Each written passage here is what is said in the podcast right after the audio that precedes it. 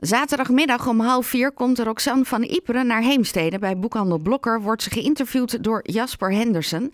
Aan de telefoon Arno Koek, eigenaar van de boekhandel. Goedemorgen Arno. Goedemorgen Ellen. Um, stond ze op je lijstje, Roxanne van Iperen? Ja, zeker, zeker, zeker. Uh, ja, vanuit haar eerdere werk en vooral haar laatste boekje over uh, de, het essay van de Boekenweek destijds, heeft ze een, uh, ja, nu weer een zeer prikkelend uh, boek geschreven eigenlijk. En ik ben daar erg nieuwsgierig naar. Uh, althans, ik, ik ben het aan het lezen en ik, ik, ik, ben zeer verrast. Ja, ze verschijnt regelmatig bij talkshows aan tafel. Dan is er ook zo'n gast die echt een scherpe analyse heeft op de maatschappij. Daar gaat dit boek ook over, want het boek heet Eigen Welzijn Eerst. Precies, ja. ja. Het gaat inderdaad over ja, hoe de middenklasse haar liberale waarden verloor. En uh, nou ja, de verandering van de afgelopen 30, eh, 40 jaar uh, die gaande is, enerzijds de verrechtsing van de maatschappij, de extremen die wat groter worden op links en rechts.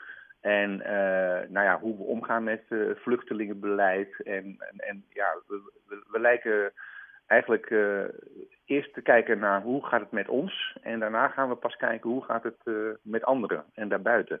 En dat is eigenlijk heel anders dan dat het in de jaren 70 en 80 was bijvoorbeeld. Zeker, ja. ja, ja. Dat, eh, dat uh, sociale aspect, dat, uh, dat wordt toch een klein beetje... Uh, nou ja, dat, wordt, dat, lijkt veel meer losgelaten te worden.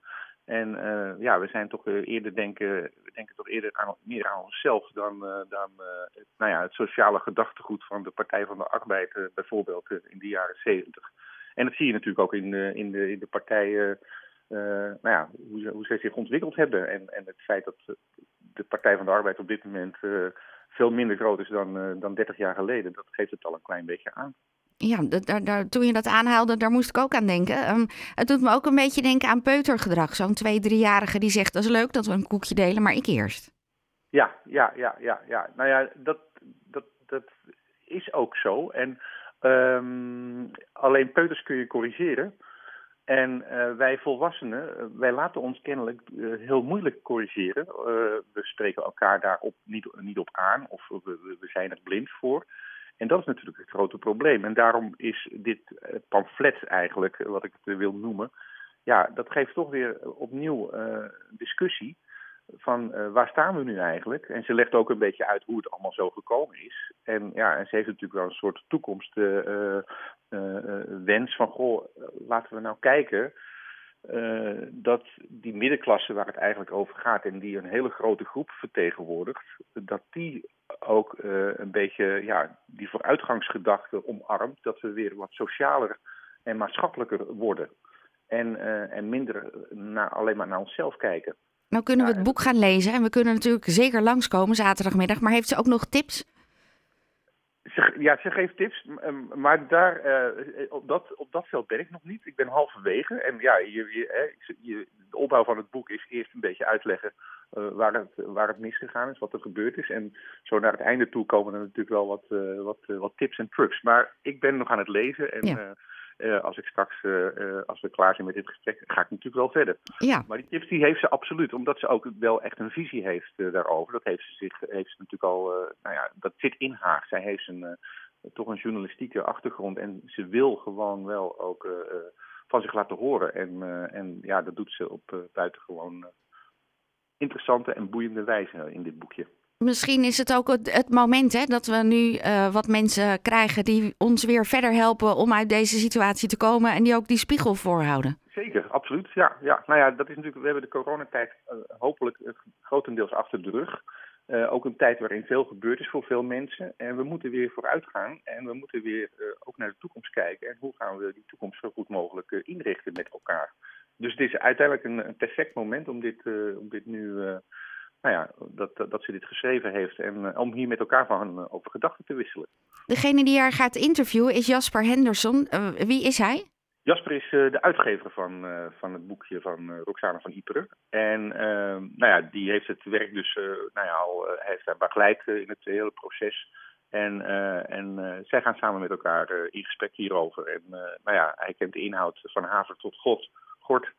En, uh, en kan daar dus ook, denk ik, een heel prikkelend gesprek uh, over voeren met haar. Ja, zaterdagmiddag om half vier moeten we ons aanmelden. Wil je van tevoren weten hoeveel mensen er komen? We willen heel graag weten hoeveel mensen er ongeveer komen. Uh, in, in, principe is iedereen welkom. De toegang is gratis.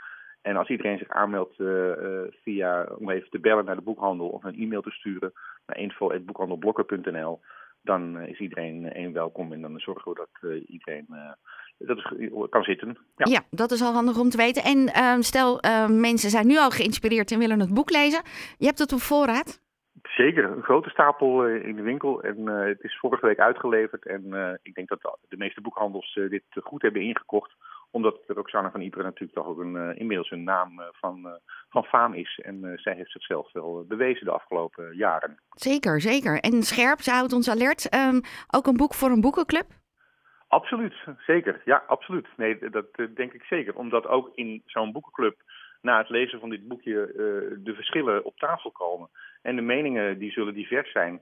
En dat, uh, die discussie, dat is natuurlijk uiteindelijk heel interessant om die met elkaar te voeren over nou ja, hoe, hoe, hoe Nederland en, en Europa eruit ziet. En wat we er aan, aan kunnen doen om dat toch enigszins te verbeteren zonder dat we alleen aan onszelf denken. Dus dat is een zeer geschikt boekje voor, voor een leesclub. Ja. Ik vind het een mooi gesprek voor de zondagochtend, Arno. Zo. Vind ik ook, ja.